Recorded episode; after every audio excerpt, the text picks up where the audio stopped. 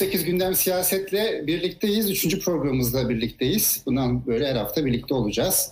Konuklarım e, Sibel Hürtaş Ankara'dan e, değerli gazeteci arkadaşım ve İstanbul'dan Evren Barış Yavuz siyasal iletişim e, uzmanı. Üçümüz birlikte geçtiğimiz hafta e, yaşananları değerlendireceğiz. E, bazı gelişmeleri hatırlayacağız ve bütün bu olan bitenlerin aslında neye işaret ettiğini e, aklımızın nettiğince hep birlikte tartışmaya ve anlamaya ve anlatmaya çalışacağız. Ee, yine yoğun bir haftayı e, geride bıraktık. Öncelikle hoş geldin Sibel, hoş geldin Evren. Teşekkür ederiz. Herkese merhabalar.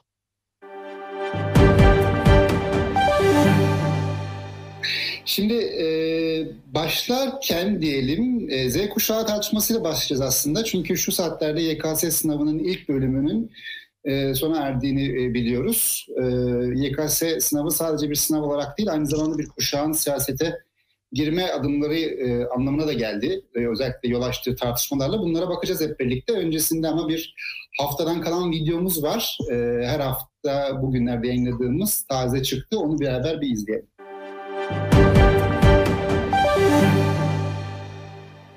Evet, bu videomuzu izledik. 2 dakika 20 saniyede Twitter uzunluğuna uygun olarak aslında haftadan kalanları özetliyoruz. Ee, uzun süreden beri sürdürdüğümüz bir format bu gündem siyaset programının da başlarında e, hafta boyu olan biteni biraz hatırlatmak bakımından e, bu videoyu beraber izleyeceğiz. E, çok fazla konu vardı orada. Her bir birkaç saniyede anlatılmaya çalışılsa da biz bunların içerisinde temel bazı noktaları e, öne alacağız. Programa girerken de ifade etmiştim. Z kuşağı tartışmasıyla başlayacağız. YKS sınavı e, bugün ilk gün e, yapılıyor, devam ediyor. Şu saatlerde hatta şu dakikalarda sınav e, sona erdi. E, yarın ikinci gün var. E, YKS sınavının erkene alınması e, ciddi tepkilere sebep olmuştu hatırlayacaksınız.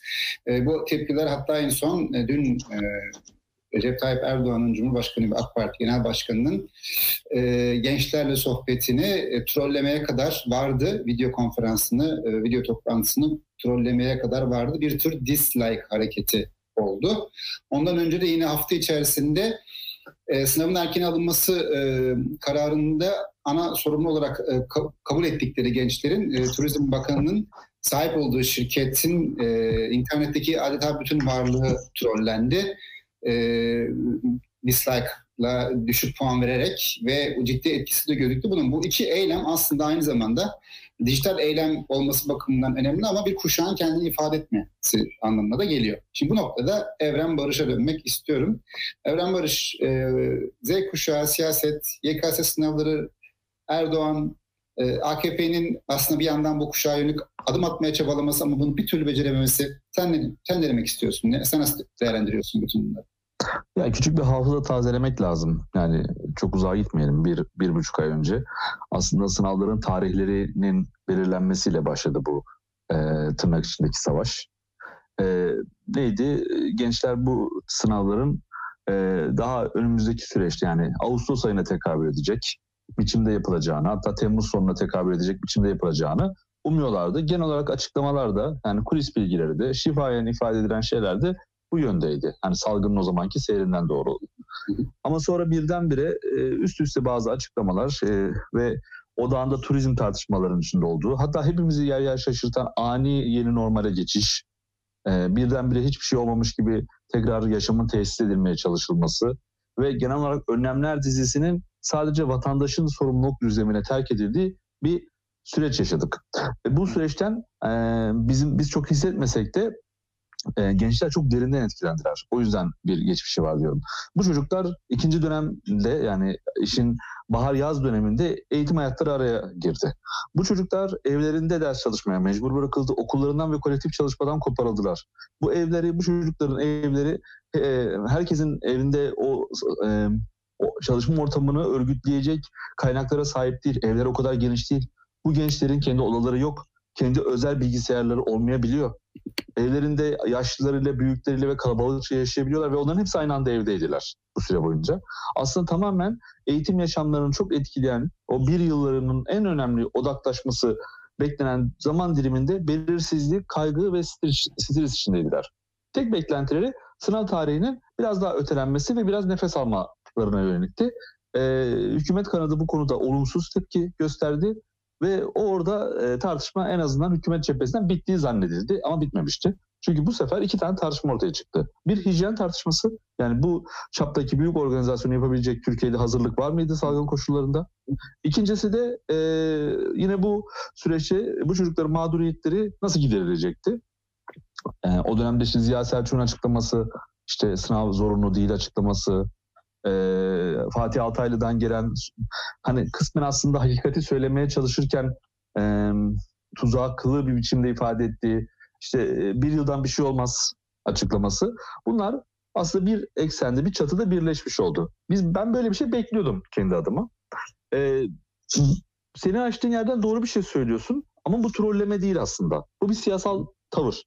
Hani bu trolleme onu bozmaya dönük bir şey değil. Ona tepki göstermeye dönük. Onu muhatap oluyor ve tepki göstermeye dönük. Şimdi bu benim bahsettiğim dinamiklerin tamamını Erdoğan'ın hani etrafındaki siyasal e, danışmanlık ekibi de görebiliyordu. Ve aslında e, bu buluşmada kısmen buna şifa olsun diye şu anda VTR'de görmüş olduğumuz buluşmada buna bir şifa olsun, bir adım atmak olsun, yeni nesille buluşmak olsun diye tasarlanmıştı ama zihin o kadar eski ki yani bu düşünme biçimi o kadar eski ki yani. Bu adamlar gerçekten köprüde intihar örgütleyerek e, gündeme gelebileceklerini zanneden adamlar. Bu yüzden de böyle bir organizasyon yaptılar. Ve Z kuşağı yani muhataplar olan 2000'den sonra doğmuş ve doğrudan şu anda gelecek kaygısıyla e, baş başa çok erken kalmış kuşak döndü ve onlara size e, oy yok dedi. Sizinle biz bu biçimde ilişki kurmayacağız. Sizin bizimle bu biçimde ilişki kurmanıza izin vermeyeceğiz dedi. Çok politik bir hareketten bahsediyoruz aslında. Ki zaten seçim seninle çok uzun zaman değerlendirmeler yapmıştık. Geçen sene 2019 yerel seçimlerinde. Yani kuşaklar gençleştikçe e, Z kuşağı diye tarif ettiğimiz kuşaklar gençleştikçe e, milliyetçi ve muhafazakarlığın gerilediği görülüyor. Ve AK Parti'nin bu kesimlerden oy alamadığı çok aşikar. Alamayacağı da aşikar. Cemal Engin Yurt'tu MHP milletvekili yanılmıyorsam. Hani onun kendi çocukları üzerinden yaptığı bir analiz vardı. Bence burada isabetli oluyor şunu anlatıyor Ankara'da kendi e, çocuklarının e, AK Parti milletvekili çocuklarının e, ailelerini söyleyemediklerini sosyal ortamlarda ifade edemediklerini söylüyordu. Çünkü AK Partili olmak artık trend değil. Yani 2000'lerden sonra Türkiye'de şöyle bir siyasal inşa oldu. İdeolojik inşa oldu. Çok uzatmayayım. Neydi? Siyasal İslamcılık, İslamcılık, muhafazakarlık, mütedeyyinlik kavramsal olarak güzellendi, büyütüldü. Ve gerçekten moda haline getirildi. Ha, bir dönem hatırlarsınız şair, yazar, sinemacılar e, dini bir takım hasletlerle, ifade oluşlarla ve hafızalarla karşımıza çıktı. E, ve bunun aynı zamanda hem siyasal karşılığı olduğu gibi maddi karşılığı da oldu. E, yalnız galiba devran dönüyor Gökhan. E, Z kuşağı bu tür bir hikayeye karnı tok, çok somut bakıyor. Kuşağın kendi eğilimleri var. Hani ben bu kuşak araştırmacısı, analizi yapabilecek durumda biri değilim. Bunu çok iyi yapan insanlar var şu anda. E, yazan, çizenler var arkadaşlar da takip ederler. E, ve onlardan okuduğumuz, tartıştığımız, onlarla görüştüğümüz kadarıyla da bu kuşak çok somut. Bu kuşak hayal istemiyor. Bu kuşak için sonsuz bir dün ve sonsuz bir gelecek yok. Şu anda var. Ve şu anda karşılarında gerçekten e, tur satmak için e, geleceklerini satan bir iktidar var onların nezdinde. Böyle algılıyorlar. Ve dün akşamki büyük tepki e, bu anlamda müthiş bir şey oldu. E, onların politik zaferleri oldu. İktidarında bence 2023 ve 24 seçimlerinden önce olası bir erken seçim hayallerini de bence sandığa gömmüş oldu. Ee, tek şansları var. Bu çocukların seçmen yaşı gelmeden önce bir an önce bir seçim değişikliği yapıp 30 yaşına e, sınırlayıp seçim sürecini e, 30 yaşın altından seçimlerde oy kullanılmasın gibi bir yasa çıkarsa. Akıl, akıl, akıl veriyor, akıl veriyor gibi olabilirsin Evren Barış. Biliyorsun böyle olmayacak önerileri ciddiye alan insanlar var iktidarda. Ee, ben de onu diyecektim aslında hani 2023'ü beklemek mi yoksa olabildiğince erken mi yapmak? Çünkü iki sene, üç sene sonra e, her sene e, rakamı sen daha iyi biliyor olabilirsin. Her sene e, 1.2 Evet 1.2 milyon yeni seçmen katılıyor. 3 e, sene sonra 3.5-4 milyona yakın yeni seçmen demek. E, yani belki de Ekim ayında, Kasım ayında seçim yapsa daha azının en azından katılmasını sağlayabilecek. Tabii Z kuşağı tartışmasını bu hafta da daha etrafında yapmak istiyoruz. Bir noktada uzmanlarıyla da yapacağız ama e, evet. şimdi Z kuşağı deyince örneğin e, din, dindar ve kindar bir nesil yetiştireceğini, yetiştirmek istediğini en baştan ilan etmiş bir iktidardan bahsediyoruz. Dindar ve kindar nesil. Yani şu bütün bu olan bitenlere baktığında bu, bu proje başarısızlığa mı uğradı yoksa biz gene sadece e, o Z kuşağı olarak tarif edilen kuşağın bir bölümünü mü görüp fazla mı abartıyoruz?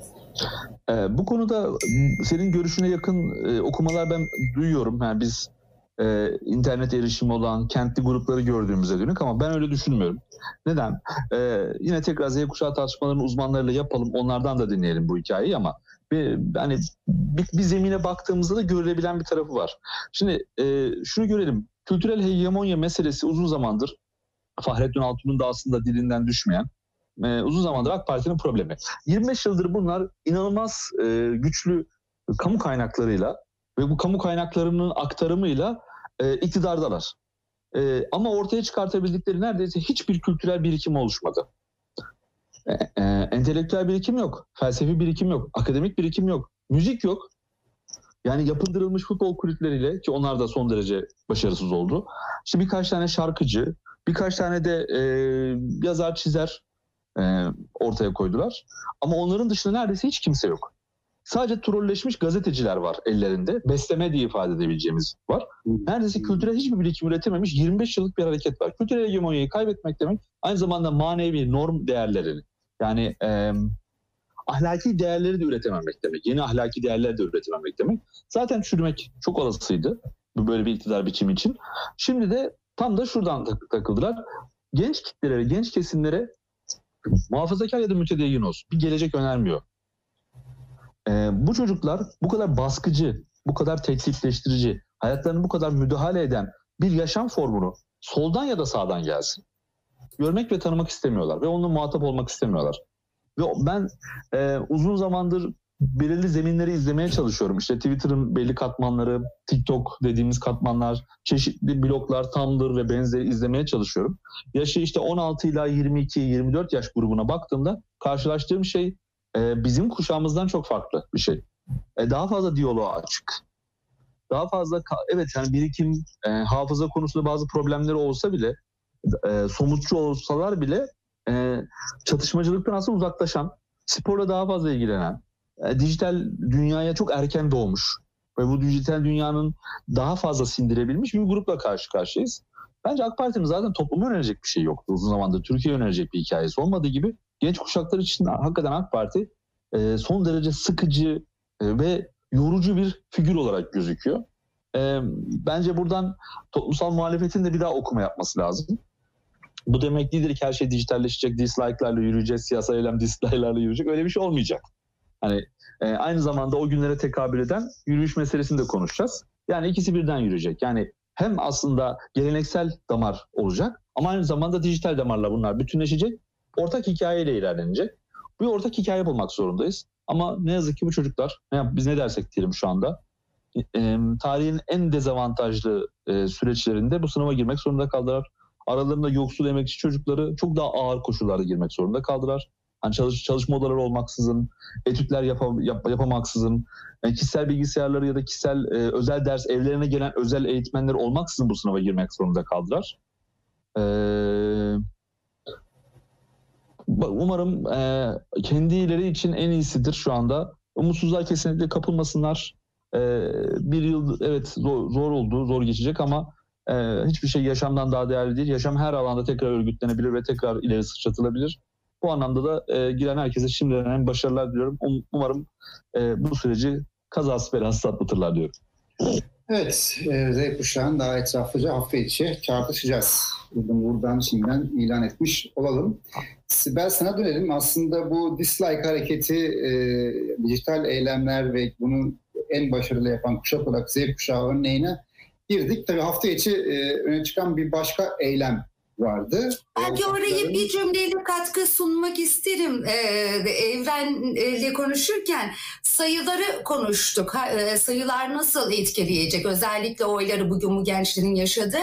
Kısa bir süre önce SETA bir rapor hazırladı.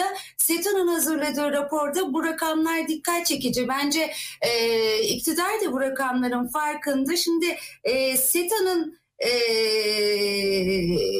verilerini söyleyeyim. 2023 yılında 5 milyon yeni seçmen oy kullanacak SETA'nın verilerine göre. E, şimdi bir kıyas yapıyor SETA bu yeni seçmenler üzerinden. E, geçtiğimiz sene e, bu son seçimlerde oy kullanan, yeni oy kullananlarla 2002'de yani AK Parti'nin ilk iktidara geldiğinde oy kullananları karşılaştırıyor. Diyor ki 2002 yılı ile kıyaslandığında son seçimlerde oy kullanan seçmen sayısı 16 milyon. 2023'te bu sayı e, 22 milyon olacak. Bunun da oranını yapmışlar. Şöyle diyelim 2002'de AK Parti ilk iktidara geldiğinde oy kullananlarla 2023'te oy kullananlar. 2023'te oy kullananlar 2002'dekinin yüzde 60'ına denk geliyor. Bu büyük bir sayı. Ee, AKP'nin ilk iktidar, AKP ilk iktidara taşıyan o kitle artık yok giderek eriyor yenileri ekleniyor 5 milyon yeni seçmen e, de 2023'te oy kullanacak işte o 5 milyonun içinde de Bugün sınava girenler büyük bir bölümünü de onlar oluşturuyor. Dezavantajlarını konuştunuz zaten. Sanırım barolara geçecektin. Evet, evet. Ee, bunun etrafı zaten belli ki sürekli bunu konuşacağız. Daha çok evet. olarak. Şimdi Bu sayılar da önemli.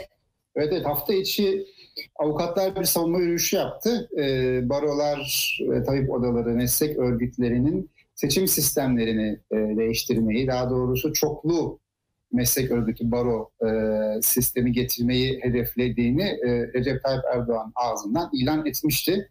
İktidar ve bu bir tepkiye yol açtı. E, tepkiler önce açıklamalar, demeçler, basın e, açıklamalarıyla başlayıp bir Ankara yürüyüşüne dönüştü. E, baro başkanları, daha yöneticiler e, yürü, yürümüştü. Sen takip ettin doğal olarak Ankara merkezi olarak e, bu savunma yürüyüşünde olan bitenler, gelişmeler ve hemen arkasından aradan birkaç gün geçti çünkü bunun yankılarını istersen senden dinleyelim. Evet barolar güzel bir yürüyüş yaptı. Ee, uzun zamandır muhalefetin göstermediği bir kararlılığı gösterdi, direnci gösterdi. Önemli bir yürüyüştü baroların yaptığı Ankara'da. Ancak bunun iktidarda bir geri adım attırabildiğini söyleyemeyiz. Zira yürüyüşten hemen sonra AKP grubu muhalefet partilerini gezdi. Ee, ve bu baro teklifi için bir uzlaşı arayışına girdi. Şimdi şöyle bir değişikliğe e, neden oldu diyebiliriz. İktidar kanadı evet geri adım atmadı ama iktidar kanadı bu teklif için büyük bir uzlaşı arayışında zira daha önce kapısını çalmadığı HDP'nin bile kapısını bu barolar teklifi için çaldı bunu söyleyebiliriz. Ellerinde yazılı bir teklifle gitmediler bu nedenle yazılı bir teklif yoktu. Biz sizin görüşlerinizi almaya geldik bunu dinlemeye geldik dediler ve tüm muhalefet partileri net bir şekilde tavırlarını koydu. Alternatif baroya karşıyız dediler. Baroların yapısına karışma yapmayın dediler. Şimdi Cumhurbaşkanlığı tarafından hazırlanmış bir teklif vardı. O teklif üzerinde çalışmalar sürüyor. Biz aslında bu hafta e, barolarla ilgili teklifin gelmesini bekliyorduk. Baro yürüyüşünün nedeni de buydu. Olmadı. Zaten mecliste başka bir panik var. E, hmm. Korona e, sayıları çok fazla arttı ve meclis bu nedenle e, apar topar e, tatil edildi. Bu hafta sadece İçişleri Komisyonu çalıştı. Onda da güvenlik soruşturması ile ilgili bir teklif görüşüldü. Şimdi kapılar kapalı bir hafta sonra yeniden açılabilir mi meclis? Açılamayabilirdi. Çünkü birçok milletvekili de gittikleri yerde ya da çalışanlar da gittikleri yerde test yaptıracaklar. Ee, danışan danışmanların artık evde çalışmasına ilişkin bir usul konuşuluyor hali hazırda. Ee, bir haftalık sürecin ben uzayabilieceğini düşünüyorum ama meclis başkanlığı seçimleri var. O yüzden uzatmayabilirler. Ee, barolarla ilgili büyük bir uzlaşı arayışı var AKP bu e, teklifi geçirmekte kararlı sandalye sayısıyla bu teklifi geçirebilir. E, ancak baroların bu yürüyüşünde çok ciddi bir kamu desteğini arkalarına aldıklarını söyleyebiliriz. E, ilginç bir yürüyüştü. Ee, ben, şimdi barolar suç duyurusunda bulundu. Hemen ardından Antalya Baro Başkanı Polat Balkaz suç duyurusunda bulunanlardan biri. Ee, ben kendisiyle konuştuğumda açıkçası benim gözlemim o gün orada biz bir buçuk gün kaldık. İşte o bir buçuk gün süre boyunca e, ben e, burada sadece bir girişim müdahale edildiğini ya da engellendiğini düşünmüyorum. Burada yapılan kelimenin tam anlamıyla eziyetti eziyet edildi.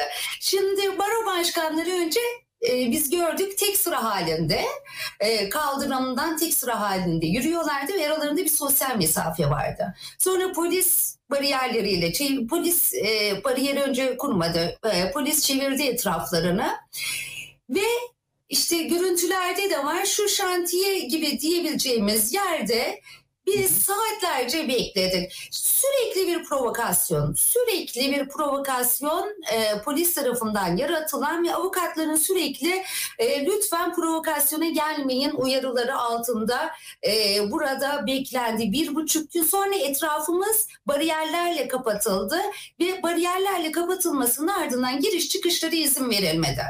Yemek yok, su yok, şarj aletlerimiz bitiyor dolduramıyoruz. Etraftaki kafelere, e, ihtiyaç yerlerine ulaşamıyoruz. Ankara Büyükşehir Belediyesi tente getiriyor, çadır getiriyor, içeri sokamıyoruz. Maske geliyor, sokamıyoruz ve burada fiili bir gözaltı işlemi aslında uygulandı. Bu çev- çevrilerek illa orada insanların emniyete götürülüp nezarethaneye götürülmesine gerek yok. Çevremize olduğu gibi sarılıp önümüze otobüsler konularak burada birincisi fiili gözaltı işlemi uygulandı. Direkt baro başkanlarına, direkt avukatlara yasaya aykırı bir şekilde dolaylı olarak ben bunu böyle tanımlıyorum. İkincisi bahsettiğim ihtiyaçların alana sokulmamasıyla bir eziyet e, yaşandı. Şimdi e, en başta Evrensel Gazetesi e, muhabiri Burcu Yıldırım e, mesela benim e, tanık olduğum bu eylemden çıktıktan sonra doktora gidiyor ve kendisine birinci derecede yanık teşhisi konuyor. Arkadaşımız 2-3 gün rapor aldı, çalışamadı. Bu şekilde var olan avukatlar var. İHAD Eş Genel Başkanı Öztürk Türkdoğan örneğin alnında e, sıcaktan dolayı yaralandığını söylüyor. Böyle dolaylı bir şekilde insanlar burada yaralandı. Ben de çıktığımdan beri bütün vücudum soyuluyor. Bunun gibi dolaylı etkileri de oldu.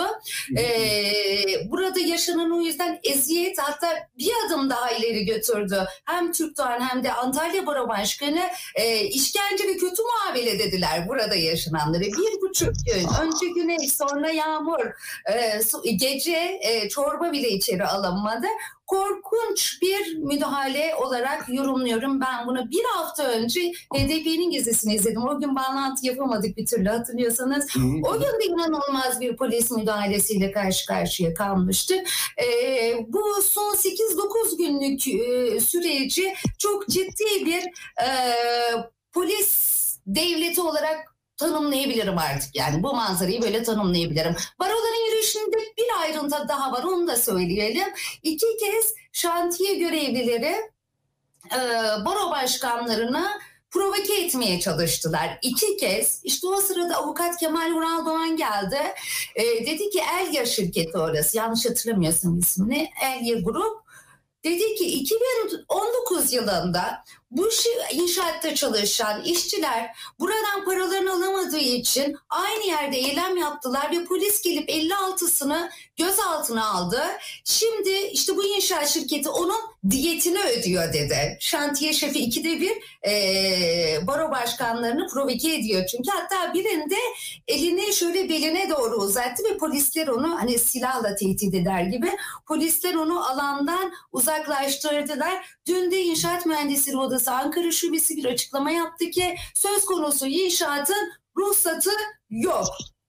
ruhsatı olmayan yerde e, baro başkanlarının e, gayet meşru eylemine e, şantiye şefleriyle beraber polis müdahale etmiş durumda. Yani hukuksuzluğun bu kadarı, eziyetin bu kadarı. Tam bir, tam bir Türkiye fotoğrafı denebilir değil mi Evren Barış buna? Yani hem inşaat var işin içinde, hem polis var, hem eziyet var. Bence e, Türkiye bir fotoğraf olsaydı o şeyin o otobanın kenarı olurdu.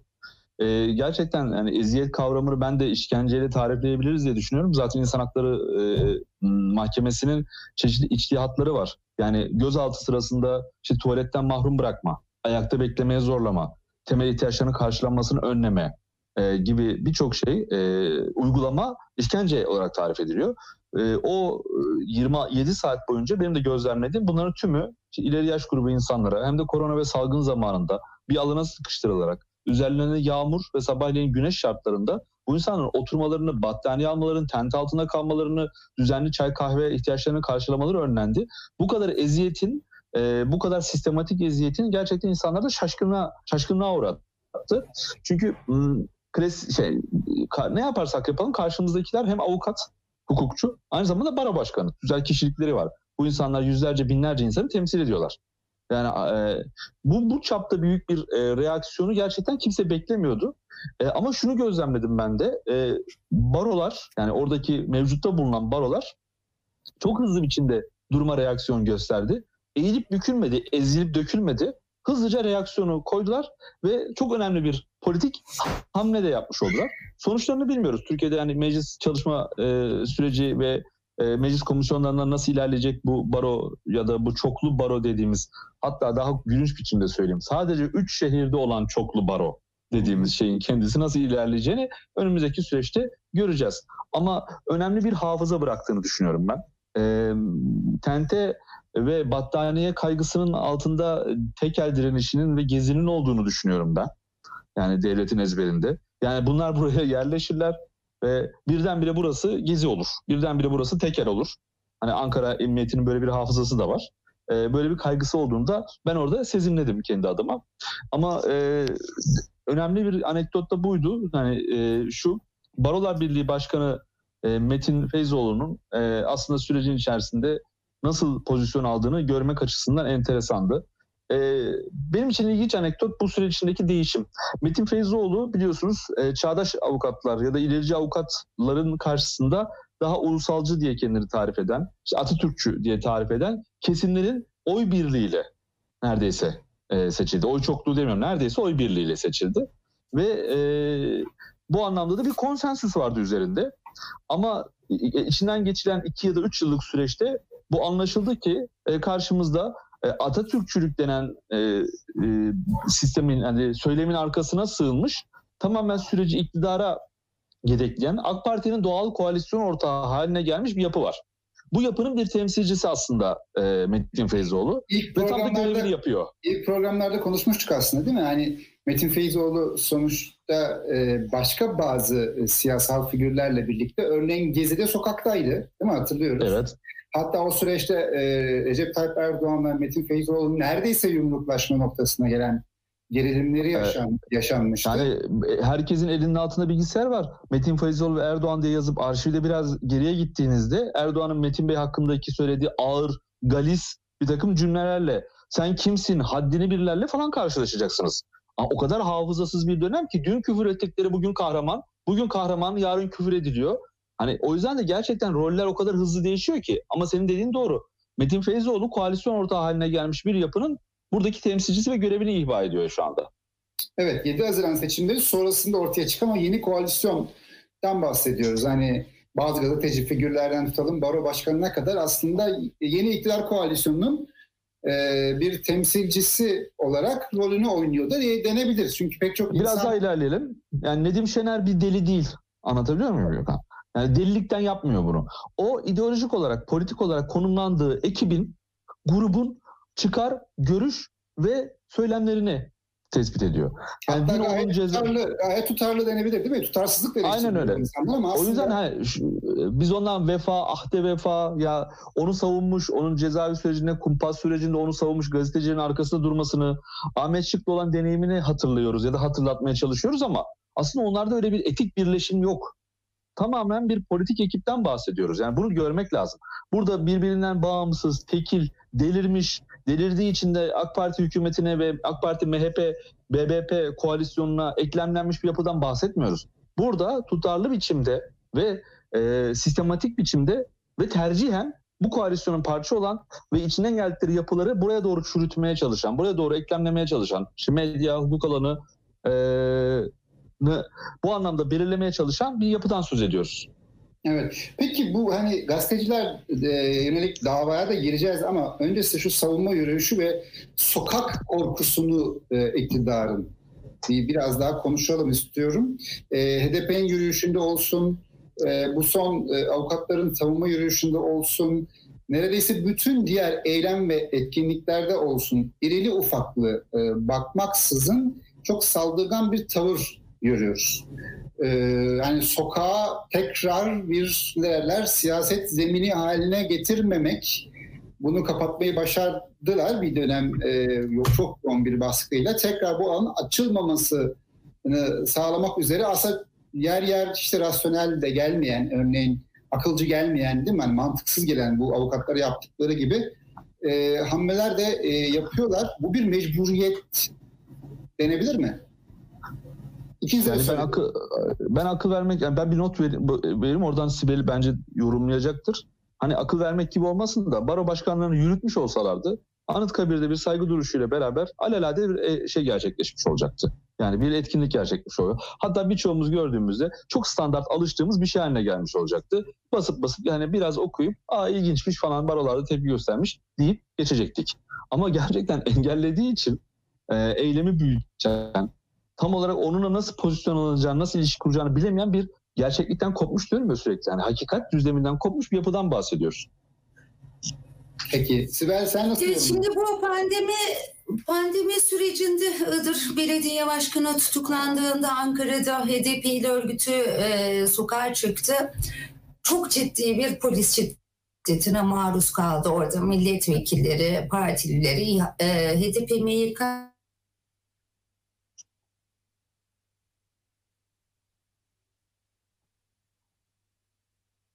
Sibel takıldı. Ee, Gelecek. E, e, ülke ocaklarından gelmiş bir gruptu. Öyle bir hınçla, öfkeyle e, nasıl geliyor mu sesim şimdi? Geliyor gayet şu anda uygun. Geliyor tamam. E, Veli Saçılık o yaşadığı polis müdahalesini şöyle tanımlıyordu. Sanki karşımdaki bir kamu çalışanı yani bir polis değildi işte ülke ocaklarından bir grup gelmiş gibiydi dedi. Böyle bir öfke bir hınç vardı içlerinde dedi. O tespitti şu takip eder. E, hemen ardından mecliste bekçi yasasının çıkması takip ediyor. Şimdi bekçi yasasında bir sıkıntı var. Muhalefet dedi ki kardeşim madem güvenlik personelin sana yetmiyor niye polis sayısını arttı arttırmıyorsun? Niye atıyorum jandarma sayısını arttırmıyorsun da gidiyorsun bir bekçi e, ordusu yaratıyorsun kendine. Sadece 40 gün eğitimden geçirecek ve Cumhuriyet Halk Partisi'nin çok ciddi iddiasına göre bu insanlar AKP'nin il ve ilçelerdeki teşkilatlardaki kadrolardan atanacak şeklinde bir öngörüleri var. Şimdi bugün mecliste ne görüşülüyor? Güvenlik soruşturması e, teklifi görüşülüyor. AKP'nin hazırladığı güvenlik soruşturması teklifi görüşülüyor. Bu teklifte diyor ki terör örgütü ile iltisaklı ve irtibatılı olan hiç kimseyi kamu memuru olarak işe almıyorum diyor. Müthiş bir keyfiyelik. Yani sizin isminiz e, Mahirse, işte Cemse, Cansa ne demek? Bu Kürtseniz, Alevisiniz e, ya da kısacası siz AK Partili değilsiniz ben ya da MHP kadrolarından ki bence aslında bu teklif olduğu gibi MHP'nin teklifidir. E, ben sizi kamu çalışanı olarak almıyorum demektir. Artık biz e, ya niye polis müdahalesi bu kadar sert ya da efendim hizmet aldığımız yer niye bu kadar e, şöyle böyle demeyi bırakmamız gerekiyor. Tamamen partileşmiş bir devletle e, karşı karşıyayız. Artık tüm kamu hizmetlerini bu partileşmiş devleti de e, doğrudan orantılı olarak düşünmemiz gereken bir yerdeyiz. Dolayısıyla da bu da kendiliğinden e, bir öfkeyi, bir hıncı, bir yasa tanımamazlığı getiriyor. E, HDP geldi yürüyüşün sonunda meclis bahçesine giriş yapacaklar çok az da insan var. Zira HDP de koronavirüs tedbirleri kapsamında büyük bir miting yapmak istemiyordu. Az insan gelsin demişti. Kim gelsin? Milletvekilleri, STK temsilcileri e, böyle bir e, şey yapılacak. Meclis bahçesinde, meclis farkında buluşma yapılacak. Polis dedi ki ben sadece 120 kişi alırım. Neden? Neden? Neye göre? Nereden çıktı bu sayı? Hiçbir yanıt yok. Şey dedi ki Filiz Kilisiyecioğlu bu sayı demokrasisidir dedi. Evet bundan sonra artık karşı karşıya kaldığımız şey şifai demokrasidir. Kim ağzından ne çıkıyorsa bu olacak. Şimdi FETÖ duruşmaları var. Çok uzakta yapılıyor. Sincan'da yapılıyor. Ben o duruşmaları gidiyorum, izliyorum. Ee, kapıda komutan diyor ki ya da polis daha doğrusu polis diyor ki içeride FETÖ dava bu 15 Temmuz davaları içeride 30 sanık içeride 30 sanık var. var. Ee, şöyle söyleyeyim. İçeride 60 müşteki yani orada ölenlerin ya da yalananların yakını varsa 60 kişi sadece diyor 30 sanık yakını alacağım. Yani e, sanık yakınları müşteki yakınlarından daha az olacak diyor. Yaşlı kadınlar, insanlar yurt dışından gelmişler ya da farklı şehirlerden. Niye diyoruz? Neye göre siz bu kararı aldınız? Hiçbir dayanak yok. Artık adım adım biz bunu e, konuşuyoruz. Baro yürüyüşünde de öyle. Senin buraya su koymamanın dayanağı nedir? Bu parti devletidir. Mecliste şu an görüşülen ve İçişleri Komisyonu'ndan geçen iltisaklı ve irtibatlı olma durumu da bu parti devletinin önümüzdeki dönemde tamamen tüm kamuya yayılmış halidir. Zaten öyle diyecektiniz ama bu da yasal kılıfıdır. Ama burada sıkıntılar var. Neden? En başta Erdoğan kendisi terör suçundan mahkum olup şiir okuduğu için belki hak vermiyoruz ama e, biraz iki adım geriye gittiğinizde Erdoğan'ın kamu memuru olamayacağı bir yasa teklifi geçmiş bugün itibariyle meclisten onu da bir ayrıntı olarak söyleyelim. Evet. Peki burada şu enteresan bir şey var. Biraz önce Z kuşağı tartışmasında aslında siyaseten e, iktidarın hızla eridiğini, e, sosyal tabanının e, zayıfladığını verilerle ve olgularla altını çizdik. Kültürel hegemonya boyutuna bir girdiğinde niye bu kuşağı kazanamıyor konuştuğumuzda da ne yaparlarsa yapsınlar kültürel hegemonya kuramadıklarını ifade ettik. Ama öte tarafta şimdi bu yürüyüşler vesilesiyle de e, konuştuğumuzda güvenlik aparatının e, çok hızla yetkinleştirilmeye devam edildiğini, güçlendirilmeye devam edildiğini hatta keyfi bir şekilde e, yetki alanının genişletilmeye devam ettiğinin altını çizdik. Ve inanılmaz bir karşı karşıya geliş e, var burada sanki değil mi? Yani bir taraftan bir sosyal hayatın gelişimi ve bununla uyum sağlayamayan bir iktidar ama bir yandan belki de bunun da önüne geçebilmek üzere eline kalan belki de tek koz e, olmak üzere hızla e, güvenlik e, aparatını e, yetkinleştirmeye, daha da pervasız hale getirmeye yönelik bir e, arka arkaya yapılan girişimler. Bunun sonuç vermesi mümkün mü? Böyle bir yönelimde büyük bir toplumsal çatışma karşı karşıya geliş mevzusu seçimler mevzusu da e, olmayabilir böyle giderse. E, bu, bu, bu bunu nasıl değerlendiriyorsun Evren? Yani aslında orada birkaç tane görüş var tabii. Ee, aslında iki temel eğilim var. Bir tanesini e, toplumsal muhalefetin güçlenmesi ve bu anlamda e, teşhir edici ve e, aşındırıcı rolünün devam etmesi yönünde. İkincisi de e, Kemal Bey'in birkaç gün önce ifade ettiği gibi hiç AKP'ye hiç karışmayın zaten eriyorlar. Hani yani gidiyorlar bakış açısı var. Gerçekten bu iki elimde sokakta ve siyasette ve medyada aslında var. İki elimde düşünen ve tartışan insanlar var. Benim görüşüm şu yani aslında temel tartışmamızın şu olması gerektiğini düşünüyorum. E, hep geçen seferde bir önceki e, buluşmamızda da aynı şeyi söyledim. Bundan sonrasına dair bir hayal kurdurmamız lazım. Bundan sonra sonra dair bir tartışma yürütmemiz lazım. Çünkü en temel şey işte Sibel az önce gayet detaylı anlattı. Bir kuralsızlık rejimiyle karşı karşıyayız. Hani e, kural kelimesi kendi içinde itici bir kelimedir. Hoş bir kelime değildir ama demokrasi biraz da kurallar rejimidir. Hani hmm. çünkü o kurallara herkesin uyduğunu, uymasını üzerine konsensüs ve yasanın koyulduğu ve devletin de güçlünün de güçsüzün de aynı kurala tabi olduğu ve bu kuralların da kısmen demokrasi mücadelesiyle de geliştirildiği bir toplumsal şeyden bahsediyoruz. Hayalden bahsediyoruz. Bugün orada bir kuralsızlık var. Aslında 2019 seçimlerinde de o vardı. Yani şimdi 24 Haziran'dan sonra biz ne okuduk? İşte 17 bin e, şeyle oy farkıyla seçim kazanılamaz. İşte az önce Sibel'in sorduğu sorunun aynısı. Neden? Yani neden kazanılamaz? Mesela 20 bin diye bir kural mı var bir yerde? Anayasal maddesi mi var? Seçim kanununda ilgili böyle bir madde mi var? Yok. Sadece bu böyle dendiği için. Bu bizim işimize böyle geldiği için. Orası bize ne öğretti? Meşruiyetin, sabrın ve çalışkanlığın süreci aşındırdığını öğretti. Bence bu süreci aşındırmayla ilgili aslında temel duygunun bu olduğunu düşünüyorum hala ben. Meşruiyet, sabır, inisiyatifli olmak ve gerçekten e, doğru kelimeyi arıyorum. E, paralize olmamak. Doğru kelimenin bu olduğunu Paralize olmamak. Yön ve tayin, yön tayin edici olmak. Çünkü sadece iktidardan gelen saldırılara ya da bir takım söylemlere, hani saldırganca söylemlere, galiz ifadelere, hakaretlere e, yönelik politika üretmek bir zaman sonra sizi gündelikleştiriyor ve o gündeliğin içerisinde boğulur hale getiriyor. Bu söylediğiniz şeyler, cevaplar ne kadar doğru olursa olsun sizi hayal kurduran olmaktan, gelecek tehavül eder olmaktan çıkartıyor. Bence en temel şey şu. Bu sistem e, tamamıyla sona ermiş durumda. Neden sona ermiş durumda? Bu Evren Barış Yavuz'un canı istediği için söylemiyorum. Hukuk sistemi çökmüş durumda. Adalet çökmüş durumda. Ekonomi çökmüş durumda. Siyasi kurumlar çökmüş durumda. Devlet kurumlarında liyakat çökmüş durumda. Toplumsal uzlaşı inanılmaz biçimde kutuplaşarak kaybedilmiş durumda. Türkiye üretmiyor. Kendi yediğini, içtiğini, giydiğini bile üretemeyen bir ülke haline gelmiş durumda. Yani bizim üzerine bastığımız bütün zemin aslında zehirlenmiş bir toprak gibi çökmüş durumda. Şimdi buradan tekrar hayal kurmak lazım. Tekrar düşünmek lazım. Biz ben bu son günlerin, bu son süreçte güvenlikçi politikaların doğal olarak inisiyatifini kaybetmiş, kültürel hegemonyasını kaybetmiş, siyaseten karşılığını yitirmiş ve tamamen paranoya ile yaşayan ve kendi kendine işte darbe olacak ve biz darbelere izin vermeyeceğiz diye.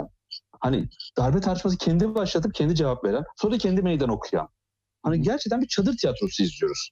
Yani kendi kendine o e, kesimleri seyrediyorsanız, medyasını okuyorsanız, gazetelerini alıyorsanız çok enteresan şaşırabilirsiniz yani. Mesela bir akşam bir Twitter'da şey başlatıyorlar. E, size yem etmeyeceğiz diye mesela örnek veriyorum bir hashtag başlatıyorlar. Meydan okuyorlar. Bir daha 15 Temmuz olursa görürsünüz falan diyorlar. Kime dedikleri belli değil. Öznesi yok mu adam? Boş gösteren yani. Meydan okuyorlar, hakaret ediyorlar. Ee, sonra anlıyoruz ki aslında HDP'den, CHP'den, sosyalistlerden, evlerden, kadınlardan, LGBT yurttaşlardan falan bahsediyorlar anladığımız kadarıyla. Tam öznesi de belli. Yani e, meydan okuma bitiyor. Akşama doğru rahatlıyorlar. Sabahleyin bunun gazetelerde büyük tepki oldu. İşte halk te- tepkisini gösterdi falan diye bunu tüketiyorlar. Sonra tekrar yolculuklarını devam ediyorlar. Gerçekten çok enteresan bir şeyi karşı karşıyayız. Hani akla vurmanın zor olduğu ama anlamanın aslında basit olduğu bir aparat bu. Akla vurmak zor çünkü bu karşımızdaki şeyin gerçeklikle, dünyayla, sokakla, hayatla bir karşılığı yok. Ha, anlamak çok kolay. Çok temel bir çıkardan bahsediyoruz. Yani bu insanlar aşağı yukarı Türkiye'de 500 milyar doların üzerinde bir serveti yönetiyorlar. Çekip çeviriyorlar. Kamusal kaynağı çekip çeviriyorlar. Ve bu kaynağı kimseyle paylaşmak istemiyorlar Gökhan.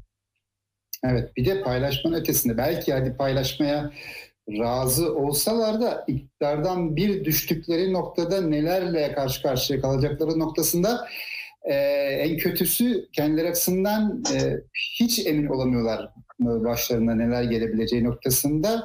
Çünkü eninde sonunda e, ne kadar bütün kurumlar çökertilmiş olsa da ya da en azından bu dönem açısından böyle bir tablo olsa da ama aynı zamanda da hafızası olan kurumlara da sahiptir Türkiye Cumhuriyeti Devleti. E, istediğiniz kadar muhalif olun. Nihayetinde e, zaman zaman hatta mücadele dahi ediyor olsanız değil, mücadele ettiğiniz e, yapıyı tanıyor olmanız gerekir. Ben hep onu söylerim. E, küçümsememek lazım diye. Bir noktada bugün kendilerine hizmet ed- ediyor gibi gözüken hatta çok rahatlıkla yönettikleri e, düşündükleri yapıların bizzat kendilerinin nasıl dönüp onları kıyan bir makineye dönüşebileceğinin örneğini biz gördük değil mi? Yani Fethullah Gülen cemaatinin çok kontrol ettiği mekanizmaları nasıl bir anda onun e, bütün uzantılarıyla birlikte kıyan bir makineye dönüştüğünü nasıl gördüysek bir hukuk devleti olmadığı koşullarda Türkiye'de bu sefer iktidarda olanın keza e, biriken öfkeyi de e, kullanarak e, çok daha fazlasını belki bir önceki dönemin e, o gücü kullananlarına yapabileceklerinin örneklerini biz yakın tarihimizde de gördük. Tabii o yüzden ele... hukuku konuşmak lazım. O yüzden Aynen. de adaleti konuşmak lazım. O yüzden de toplumsal uzlaşıyı ama bunun değerler etrafında uzlaşıyı tekrar konuşmak lazım. Anayasal yurttaşlığı bir daha belki konuşmak lazım. Yani aslında bunun karşısında kuralsızlığın karşısında bir başka kuralsızlıkla intikam vari bir yerde çıkmanın bir anlamı yok. Aslında temel evet. olan şey tesis etmek yani kurumları yani geçmiş ben benim temel dünyam şu. Ben 2002'den önce Türkiye'de çok büyük bir güllük gülistanlık vardı. Her şey muhteşemdi. Ve AK Parti geldi ve her şey yok oldu gibi bir anlatı bana gülüşten öte insanın zekasına, muhakemesine hakaret gibi geliyor. Hayır öyle, öyle bir şey yoktu. AK Parti var eden koşullar vardı. O koşullar büyük oranda 90'lardı. Ekonomik krizdi, toplumsal çürümeydi, e, Kürt meselesiydi. Ve bunlar aslında AK Parti'yi doğuran ve sonra finalini işte finalini deprem 99 depremi, Şubat krizi ve cezaevlerindeki kanlı katliamla yapan aslında bir sürecin sonucuydu AK Parti. AK Parti bir toplumsal sonuçtu. Yani istikrarsızlığın, işte devalüasyonun, enflasyonun, hani e, belirsizliğin sonucuydu. Bunun yerine küresel sermayenin koyduğu bir güven odağıydı, bir çıpaydı. Bu çıpa çok hızlı e, toplumsal örgütlenmeler yarattı ve bu noktaya geldi. Ama çok hızlı kaybetti de elbette. Lakin sürdürülebilir kıldı kendini uzun süre. Bunu kabul etmek lazım. Şimdi 2002'den önce geri dönelimle başlamamak lazım hikayeye. Ama bu Yani- bir e, eski özlemden öte sanki politik bir tavır gibi de geliyor bana. Hani e, bütün günahı bugünkü AK Parti iktidarına yıkıp 90'lar ne güzel bir Türkiye'ydi, 2000'ler ne güzel bir Türkiye'ydi algısını besleyip aslında bir tür restorasyona toplumsal de- destek inşa etmek. E, bu çözüm mü? Bu, restorasyon olmaz. Hani bu restorasyon olmayacak çünkü 2002'den önceki yapıları biraz hatırlayan, biraz arşiv karıştıran herkes Türkiye'de işte susurluk AK Parti döneminde olmadı. Yani bugünkü AK Parti'yi var eden bir sürü kadro, bugün hani sizin e, bunlar nereden çıktı dediğiniz bir sürü kadro aslında o merkez sağ diye tarif edileceğiniz kurumlar oldu. Çok net tespit etmek lazım. Türkiye'de Cumhuriyet'in büyük düşmanı burjuvazidir. Hani onu var eden, hani Cumhuriyet, yani burjuvaziyi var eden Cumhuriyet'tir. Ama Cumhuriyeti yıkan da bu ülkenin burjuvazisi oldu. Ve gerçekten temelde 1950'lerden beridir. Sistematik biçimde bu ülkedeki bütün hak kazanımlarını, toplumsal mü- e, mücadelelerin, ilerici geleneğin, aydın hareketinin bütün kazanımlarını yok eden şey bu ülkedeki aslında sağcılık, merkez sağcılık oldu. O merkez sağcılık kendini tekrar buradan restore edecekse e, en fazla yine 8-10 yıl sonra aynı noktaya geri geliriz. Çünkü biz 1990'larda da çoğulcu demokrasi, bir arada yaşam, hukukun üstünlüğü tartışılıyordu. Bugün dayak yiyen sokaklarda perişan edilen kurumlar o zamanlarda konuşuyorlardı. Tek bir fark vardı. O zaman e, kendilerine kendilerini nasıl tarif ettikleriyle çok ilgilenmeyeceğim artık o tarifi yapmayacağım. Kendilerini bu seçkin diye ifade eden bazı kesimler vardı. Bunların ellerinde ya yüksek yargı vardı, üniversiteler vardı, askeri bürokrasi vardı, sivil bürokrasinin bir kısmı hariciye vardı. Medya vardı. Ve medyanın ana akımı vardı. Şimdi bu altı kuvvetle aslında toplumsal manipülasyonları örgütleyebiliyorlardı. İktidardaymış gibi olabiliyorlardı. Mış gibi. Ama AK Parti geldi ve bu iktidar yıktı. Aslında bu yıkış onların tabii uzlaşılarıyla da alakalı ama e, o meselenin yani kendini devletin bazı bürokratik kesimlerine yaslayarak e, toplumu dizayn etme anlayışının da aslında ne kadar çürümüş bir anlayış olduğunu gösterdi. Çünkü Türkiye'de 1990'larda da derin bir yoksulluk, derin bir açmaz, çözümsüz problemler vardı. Yani Türkiye'yi iki AK Parti'ye getiren süreç 10 yıllık sürece bakıldığında 2002-92 aralığına baktığında Türkiye'de şeyi anlarsınız yani meselenin ne olduğunu anlarsınız. 2022-2032 arasına bakmak istiyorsanız da oraya bakıp çözümlemek zorundasınız. Ve çözerek ilerlemek zorundasınız. Sümen alt ederek, küçük imgelerin arkasını sıkıştırarak olmaz. Yani bu ülkede Alevilerin kitlesel ve demokratik talepleri var. Bunları, bunları artık tartışmak, tartışmadan çıkarmak zorundayız. Bu ülkede Kürt meselesinin anayasal vatandaşlık zemininde bir çözümü var. Bunu artık tartışmadan çıkarmak zorundayız. Kadınların çok temel talepleri var. En temelinde yaşama talepleri var. Bunu artık bir tartışma olmaktan çıkarmak zorundayız. Yani bazı böyle temel başlıkları alt alta koyduğumuzda bu ülkede aşağı yukarı ne olmadığını belirleyen bir e, cidar çıkacak ortaya. O cidarı tartışmalıyız. Yoksa ne olur? Yoksa e, bir hayal kırıklığı olur. Yani bütün bu 20 yıllık süreçten, 18 yıllık süreçten hiçbir şey öğrenmemiş gibi oluruz. Ee, evet 2000 doğumlu bir gencin bunların hepsini birden tasavvur etmesi ve tartışması mümkün değil ama medya çok erişilebilir bir durumda artık. Arşivler çok erişilebilir bir durumda. Hani e, bu anlamda bir hafızaya, ortak hafızaya ihtiyaç var. Ben hep aynı şeyi söylüyorum. Bir toplum olabilmenin yegane şeyi, yegane orta, payda, e, kıstası ortak hafıza, ortak acı ve sevinç düzlemi. Hani kimliğinizin ne olduğundan bağımsız. Evet, İslamcılar diye belki tarif edebileceğimiz bir kesimin iktidarı da geçirdiği bir 20 yıla şahitlik ettik. Yani sen bunu biraz özetledin.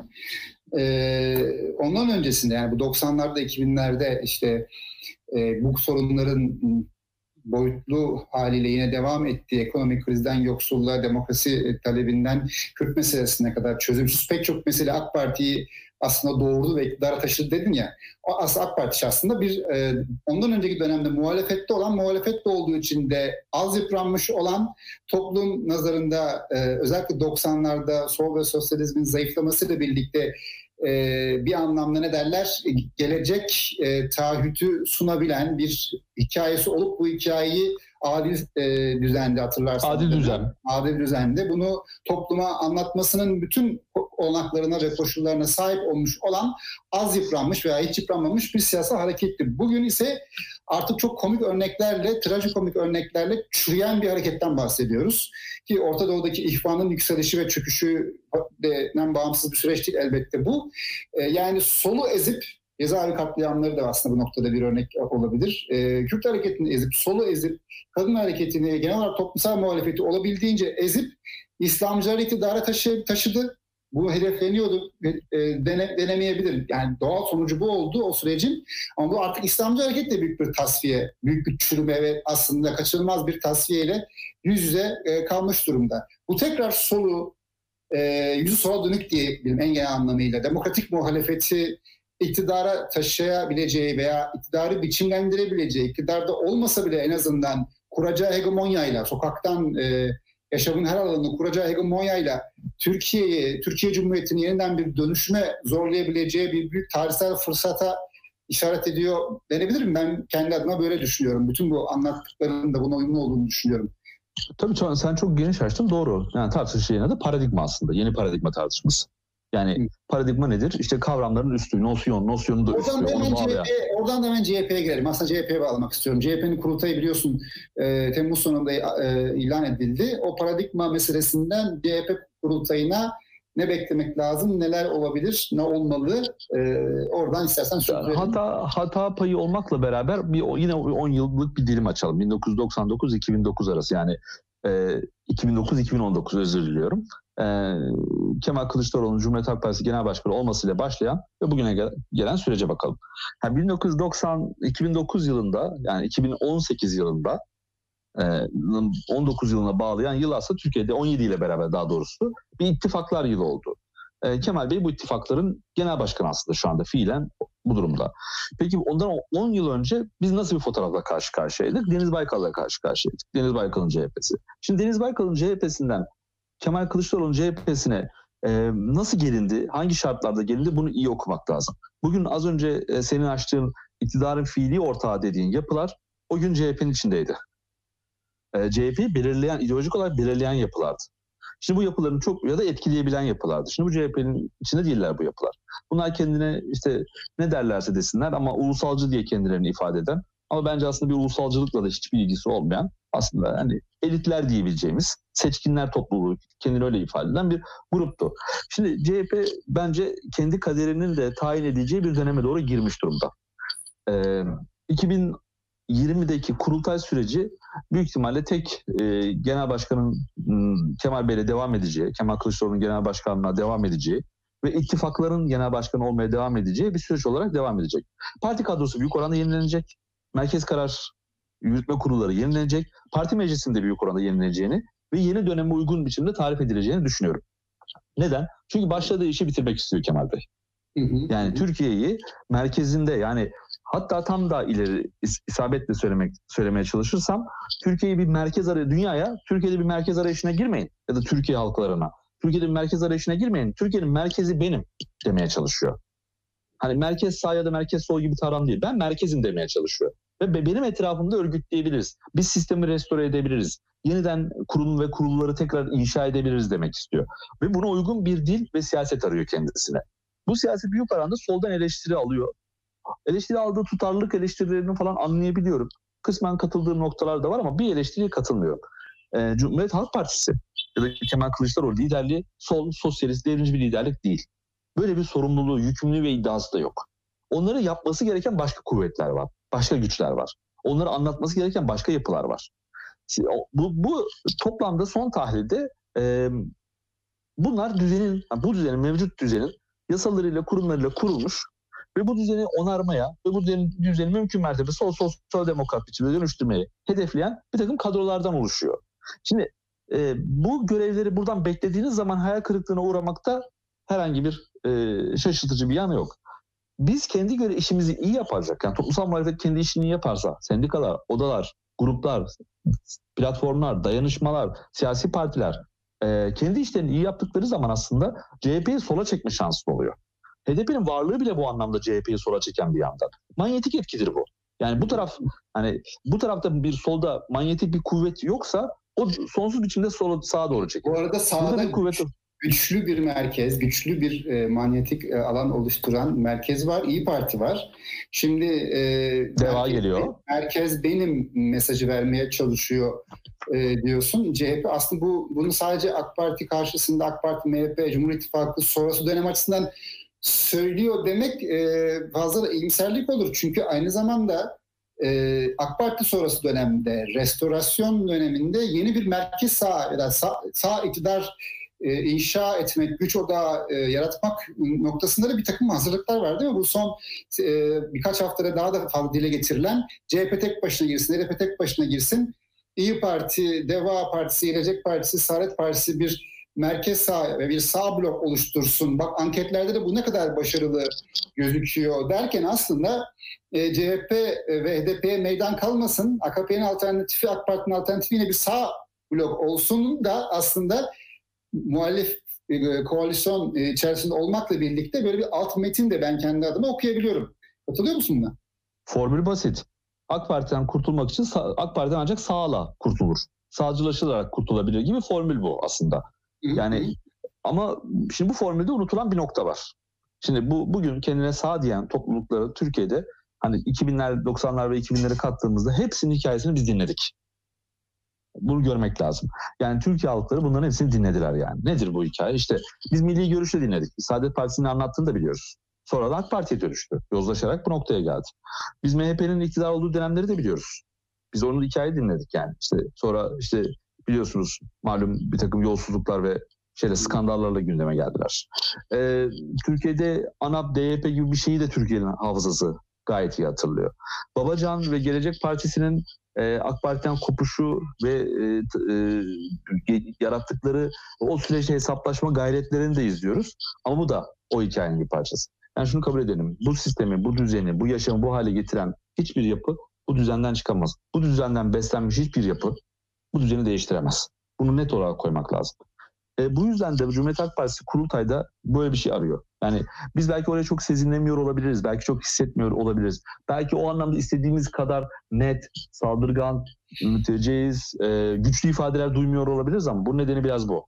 Bunun nedeni AK Parti sonrasındaki süreci aslında başka inisiyatiflere bırakmamak ya da koalisyonun muhakkak bir ortağı olmak. Karar alıcı noktada olmaya devam etme gayreti var gibi geliyor bana. CHP sağa kayıyor lafları ben hala sık sık duyuyorum. Ee, genelde de muhalifler dile getiriyor. Ama sen şimdi biraz önce bir 10 yıllık bir hikaye anlattın. Deniz Baykal CHP'sinden e, Kılıçdaroğlu CHP'sine. Sağ kay dem- demek doğru mu sence bu CHP? Ben, ben yani Türkiye'deki bütün politik tabanlar kaydı. Onu kabul ederim önce yani. Türkiye'de her şey bir deprem fayı gibi kaydı. Ve bunlar birbiriyle yer değiştirdi, eğildi ve büküldü. Yani 1999 yılının ya da e, yılının politik dünyasından bakamıyoruz şu anda. E, başka bir noktadayız. Hepimiz her şey bambaşka bir yere geldi. E, ama burada şunu görmek lazım. E, C, Cumhuriyet Halk Partisi denen şeyin ana gövdesi sol, sosyal demokrat Alevilerle ikame olmuş, Atatürkçü e, ilerici gruplarla ikame olmuş ana gövdesi büyük bir öğrenme süreci yaşadı. Yine seninle çok sık tartıştığımız şeyden bir tanesi. 2013 yılında Gezi ile başlayan ve 7. yılında artık geride bıraktığımız hareket aslında en çok Cumhuriyet Halk Partisi'nin ana gövdesini değiştirdi. Cumhuriyet Halk Partisi'nin ana gövdesini HDP'nin ana gövdesiyle yaklaştırdı. Sokakta yaklaştırdı, sandıkta yaklaştırdı, e, tutanak beklerken yaklaştırdı, sokakta dayak yerken yaklaştırdı. E, ve çok önemli bir zemin ortaya koydu ve bu tabanda koydu. Daha önceki hafta ne demiştik? Bu, taba, bu zemin tavanı da değiştirecek, tavanı da etki edecek. Muhakkak etmeye de devam edecek. Şimdi burada bir zaten şey var, bir e, sosyal konsensüs, sosyal barış var aslında. Ha, tartışmalar bitmiştir, e, hak ve adalet yerini bulmuştur ve tesis edilmiştir diyemem. Ama bir sosyal barış talebi vardır diyebilirim burası için. Şimdi bu sosyal barış talebi güçlü bir dinamiktir. En az %35'e tekabül eden bir güçlü dinamiktir. Bu güçlü dinamiğin Türkiye'nin yeniden inşasında, bir ülke olarak tekrar var edilmesinde muhakkak merkezde olmasında, bunu inşa eden özne olmasında fayda vardır. Bu so- sosyal, toplumsal güçler için de gerekliliktir. Ha, bunu biz yapmak zorunda değiliz. Bunlar, bunlar onun kendi tartışmaları diyebilirsiniz. Olabilir. Ama bu tartışmalara katkı sağlamak zorundayız. Bu tartışmaları düşünen ve tarafı olmak zorundayız. E bizi ilgilendirmez de bu işin içinden çıkamayız tek başına. CHP ne oldu? 2009, yani Deniz Baykal'ın CHP'si neydi biliyor musun? Deniz Baykal'ın CHP'si benim için çok basit bir hikayeyle anlatayım. Ben Ankara'da büyüdüm. Ankara'da e, Eryaman otobüsleri vardır. Sıhhi Eryaman otobüsleri. O, ve o hayli uzun bir yoldur. Çok soğuktur Ankara bilirsiniz. Ben her zaman Etimeskut'ta orada bir topçu kışlası vardı. Topçu kışlasının orası, oradan geçerken sağ tarafta böyle Bozkır'ın ortasında bekleşen kadınlar gördüm. Yaşlı kadınlar. Bir gün, iki gün, üç gün sürekli aynı kadınları görüyorum ben. Belli dönemlerde görüyorum ama. Sonra şeyi sordum. Dedim ki bu kadınlar kim? Yani yanımda oturanlara. Dedi ki içeride şey var. Asker aileleri bunlar. İçeride yemin töreni var. Bunlar da asker aileleri. E dedim niye giremiyorlar? Kadınlar başörtülü oldukları için kışlaya alınmıyorlar. Erkekler girebiliyor. Kadınlarsa şeyde arazide bekliyorlar. Şimdi sen çocuğunu zorunlu 18 ay askere aldığın kadının kadını kışlaya almadın. Ve bunu bir siyaset olarak örgütledin. Ve buradan büyük bir nefreti de büyüttün. İşte Deniz Baykal'ın CHP'si oydu. Buraya tekrar geri dönmek istiyorsa Cumhuriyet Halk Partisi buyurun dönsünler. Yani hiçbir kuvvet, bugünkü e, siyasal İslamcıların e, istismar ettiği hiçbir hakikat ya da hiçbir ortaya koyduğu rezillik bize o günleri tekrar savunduramaz. Hani hiçbir rezillik bize o günü izah ettiremez. Çünkü onların hepsi rezillikti. Onların hepsi utanç verici şeylerdi. İnsanlık adına da, bireysel haklar adına da. Türkiye bunların hepsini yaşadığı için bu noktaya geldi. Yani AK Parti evet sadece ABD kurdu. Kusura bakma öyle bir hikaye yok. Yani toplumsal karşılığı yok diye bir şey yok. Yani ABD kuruyor partiyi buyurun hadi hepimize yani idiot değil bu ülkedeki insanlar. Her tartışmanın bu ülkede en az 100 yıllık hafızası vardır. Bu 100 yıllık hafızalar yüzünden bu tartışmalar bu noktada. Yani ne, bakın bugün Abdülhamit konuşulmasının nedeni Türkiye'de kaza değildir. Türkiye'deki bütün tartışmalar en az 100 yaşındadır. Dün başladı zannettiğim tartışma bile 100 yaşındadır. Çünkü Abdülhamit meselesi orada çözülemediği için, tartışma kapanmadığı için ya da tekrar istismara açık olduğu için bugün tekrar tartışılıyor. Biz bu tartışmaları kapata, kapata, kapata, kapata yeni bir gelecek kurmak zorundayız. Bu tartışmaları muhakkak soldan kapatmalıyız. Soldan kapatmak için de gayret etmek, düşünmek ve ezberden biraz çıkmak gerekiyor. Son cümlem olsun. Türkiye'de hayır cephesiyle 2017'ydi galiba yanılmıyorsam. Toplumun %50'sine tekabül ediyor hayır cephesi. Hani ve 2019 seçimlerinde de bu cephenin başarısını izledik. Yani ikisinin arasında bağlantı var arkadaşlar. Şimdi hayır cephesi toplumun %50'sini tekabül ediyor ya. Bu hayır cephesinin e, peki şeyi ne? Toplumdaki karşılığı ne? Nüfusun %50'sisin. Peki ticaretteki oranın yüzde kaç? Medyadaki oranın yüzde kaç? Devletteki, kamudaki oranın yüzde kaç? İçişleri ve dış işlerindeki oranın yüzde kaç? Dış ticaretteki oranın yüzde kaç? Mülkiyet ilişkilerindeki oranın yüzde kaç? İstihdam edilme oranlarındaki e, oranın yüzde kaç? Yani biz yani bu toplumun yüzde ellisi şu anda hiçbir kamu kaynağından neredeyse faydalanmadan birkaç belediye dışında faydalanamadan yaşamını istihdam ettirmeye çalışıyor. Şimdi böyle bir toplumsal bölüşüm, toplumsal kaynak bölüşüm olabilir mi? Bu sürdürülebilir bir şey mi? 19 öncesini hatırlıyorsunuz. Hatta 2019 31 Mart seçimin, seçimlerinde benim çoğu zaman da yalnız kaldım. Hatta beraber seninle paylaştım ama başkalarının nazarında hep yalnız kaldığımız biz başarı bekliyorduk 31 Mart seçimlerinde. Hani İstanbul, e, Adana, Mersin, Antalya e, başta olmak üzere pek çok şeyin yanı sıra hani analizimizin temelini oluşturan e, olgulardan bir tanesi de şu değil miydi? Hani en azından toplumun yüzde ellisini oluşturan bir siyasal kampı merkezi kaynaklardan zaten büyük ölçüde uzaklaştırmış durumdasın. O dönem hatırla e, yine Diyarbakır, Van e, bütün bunlara kayyum atanmıştı. HDP'nin hiçbir e, belediyesi kalmamıştı, büyükşehir kalmamıştı.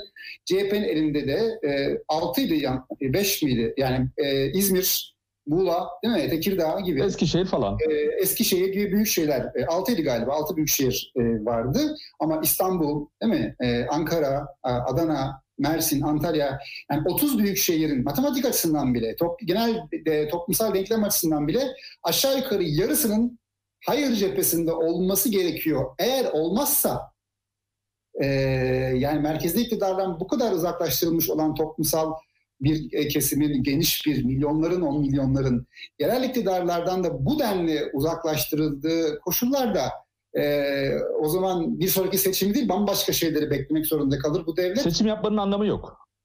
Ve sürdürülemez, yönetilemez. E, çok büyük bir çatışma ve bir çöküş kaçınılmaz hale gelir. Çünkü aç insanların, kaynaklardan bu kadar uzak tutulmuş insanların, üstelik bu kitle aynı zamanda en iyi eğitim almış, kültürel anlamda sermayesinin büyük bölümünü oluşturan, e, gençlik bakımından önemli bir bölümünü oluşturan bu kesimi sen bu kadar köşeye itersen o da dönüp dolaşıp bambaşka şekillerde o kaynakları tekrar senden alır ve az çok rasyonel bir akıl varsa e, zaten doğal olarak e, yerel seçimlerde büyük ölçüde muhalefetin kazanması gerekiyor diye de konuşuyorduk. Şimdi dikkat edersen ben de orada şeyden bahsetmedim sana. Yani e, evrensel değerler, özgürlük değerleri, toplumsal mücadelenin deneyimlerinden bahsetmiyorum. Çok net bir kaynak adaletinden bahsediyorum. Ya çok basit ya. ya bu ülkedeki yüzde elli çocuklarını nasıl iş, hangi işe sokacaklar? Bu çocuklar nasıl iş bulacaklar? Nasıl ekmek kazanacaklar? Nasıl hayatlarını devam edecek? Herkes yurt dışına çıkamaz. Herkes gidip Almanya'da bir yerde burs bulamaz. Ya da yurt dışında e, işçi olacak hali yok. Yani biz bu ülkede doğduk. Köklerimiz bu topraklarda ve biz bu topraklarda mülteci gibi yaşamaya daha daha fazla devam edemeyiz. Bu, bu çeşit mülteciliktir bu aslında. Bize, bize reva görülen şey bir çeşit mülteciliktir. Köksüzleştirmedir. Seni zaten sadece kaynaklı olarak köksüzleştirmiyor. Seni aynı zamanda ideolojik olarak köksüzleştiriyor. Sana diyor ki sen yabancısın bu ülkelere. Sen bu ülkedeki değerlerin uzağındasın. Hangi değerler? Senin ürettiğin, senin uydurduğun değerler. Değerler sistemi nereden çıkarttın bu değerleri? Yok. Sana, sana diyor siz yabancısınız. Allah Allah. Hani öyle bir zemin ki bu ideolojik bir köksüzleştirme aynı zamanda kaynak köksüzleştirilmesi ki şeyi kabul etmek için. Ben bu ülkede yaşayamam, yaşayamam ben bu ülkeden gitmeliyim duygusunu örgütlemek için yapıldı bunların hepsi. Emin olun bu yüzden yapıldı. Ya, ya bizden evet, bekledikleri tek şey aynen öyle. Bekledikleri tek şey pasaport alıp başka bir ülkede pizzacı olmamızdı. Bize reva görülen hayat buydu. Ve bu hayatı bu dağıtmak zorundayız. Kalkıp bu ülkede 40 milyonsa kalkıp başka bir yere gidemeyeceğimize göre Diğer 40 milyonla da boğuşamayacağımıza göre bence o karşıda bir 40 milyon yok bu arada. Öyle bir bloklaşmış. Toplumsal değişimi ve dönüşümü içine alan, içine yeni bir iklimi, yeni bir yaşam formunu içine alan, bir arada ortak yaşamı savunan bir hikaye bulmak zorundayız. Bu kaynak adaletsizliği içinde, bu köksüzleştirme içinde gerekli yanıtı buradan vermek zorundayız. Evet, e, Cumhuriyet'in kuruluşunda çözümlenmemiş ya da yarım bırakılmış ne kadar mevzu varsa hani 100 yıllık mevzuları bugün konuşuyoruz diyorsun. Bugün hala siyasetin e, büyük ölçüde belirleyici gündemleri e, noktasında. Maalesef. Öyle umulur ki Cumhuriyet'in 100. yılında e, Cumhuriyet'in kuruluş sürecinde yarım bırakılanların da tamamlandığı bir yeni demokrasi, yeni bir Cumhuriyet inşası mümkün olur. E, zaten e, ta, izleyicilerimiz de farkında, farkındadır bir ölçüde. Gündem siyasette de her ne kadar güncel gelişmeleri konuşuyor olsak da aslında dönüp dolaşıp bir cumhuriyet tartışmasına varıyor bu nokta. E, bu tartışmaları daha da fazla sürdüreceğiz. Güncelle bağlantılı bir şekilde e, toparlayalım. Uzun bir program yaptık. Arada Sibel'in evet, tekrar dönebilmesini dönebilmesini de umduk ama gelemedi. Ee, kendisine de buradan selam ediyoruz tekrar. Bir sonraki programda beraber olacağız. Bizden de selamlar. Ee, yani, varsa ekleyeceklerin onu alalım sonra toparlayalım. Şimdi o yüzden hani programı dinleyenler de katkı sağlarlarsa mutlu olurum. Ee, aslında bizim ben şimdi çok fazla program izliyorum, izleme fırsatı buluyorum. Arada aktüel programları da izliyorum. İşte geçen bir sürede Halk TV izlemeye çalışıyorum. Orada bir çoğulculaşma, değişim gayreti de var. Kısmen formatları çok eski. Yani o eski uzun formatlar var. Kadın görünümü çok az. Ee, bu anlamda da ciddi eleştiriler hak ediyor. Ama yeni bir deneyim, herkes yeni bir şey tartışmak istiyor. Çünkü bu tartışmada iki tane şey bir arada yürütmek lazım. Yani bugünkü mevcut iktidar, hükümet, devletin yaptığı bir takım haksızlıklar, e, hatalar, kusurlar, kabahatleri tartışmak bir yanda. Bunları bunlara söylem üretmek, bunların alternatifini üretmek bir yanda ama bir yandan da hep aynı şeyi söyleyeceğim. Hep bir adım sonrasını düşünmek lazım. Hayal etmek lazım. Yani size ben Muharrem İnce'nin seçimlerde gece e, toplumsal muhalefeti terk ettiği o gece yani seçim sandıklarının önünde, sandık kurullarının önünde insanların ortada kaldığı gece ben 23 Haziran'ı anlatsam büyük ihtimal orada beni döve döve şeyden atarlardı. meydandan atarlardı. Ben aslında biliyordum. Yani kendi adıma hissediyordum. Ama o anda gerçekten taktik bir hata vardı. Tartış oraya tekrar dönmeyeceğim. Bu ülkede büyük bir değişime ve sıçramaya gebe bu ülkenin bütün şartları. Buna inanın. Ve biz sanıldığı kadar az değiliz. Köksüz değiliz.